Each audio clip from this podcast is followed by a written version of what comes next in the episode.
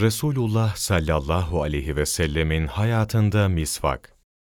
Misvak, Efendimizin tatbik ettiği ve bizlere en güzel şekilde misal olduğu bir emridir. Peygamber sallallahu aleyhi ve sellem Efendimizin tüm emirlerine olduğu gibi, bu güzel sünnetine de sımsıkı sarılıp uyumamız gerektiği konusunda İmam Şarani rahmetullahi aleyh hazretleri, Ey kardeşim! Peygamberinin sünnetine hürmet et. Sünneti bırakmışsan Allah'a tevbe ve istiğfarda bulun. Sünneti hor görürsen küfre düşmüş sayılırsın diyerek bu sünnete uymanın ne kadar önemli olduğunu anlatmaktadır. Nitekim Efendimiz, ümmetime zorluk vermek endişesi olmasaydı, kendilerine her namaz kılarken misvak kullanmalarını emrederdim.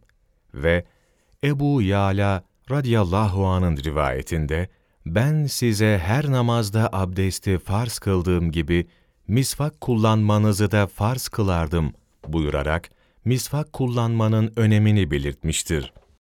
Yine misvakın önemi hakkında Ebu Yala radıyallahu an Hazreti Ayşe radıyallahu anha'nın şöyle dediğini nakleder. Efendimiz sallallahu aleyhi ve sellem misvakı o kadar çok anıyordu ki Kur'an'da bunun hakkında bir hüküm inecek diye korkmuştum.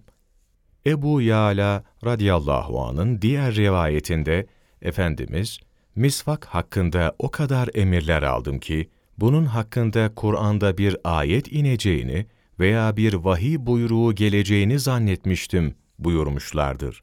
Hazreti Ayşe radıyallahu anha şunları nakleder.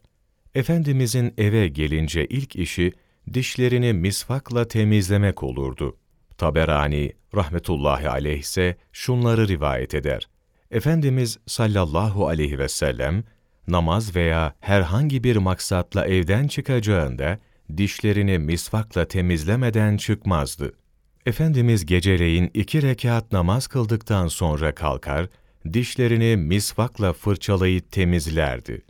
Nesai Efendimiz, misvak ağzın temiz kalmasına ve Allah Celle Celaluhu'nun rızasını kazanmaya sebeptir ve aynı zamanda bu misvak gözleri nurlandırır buyurarak misvakın faydalarını bizlere bildirmiştir.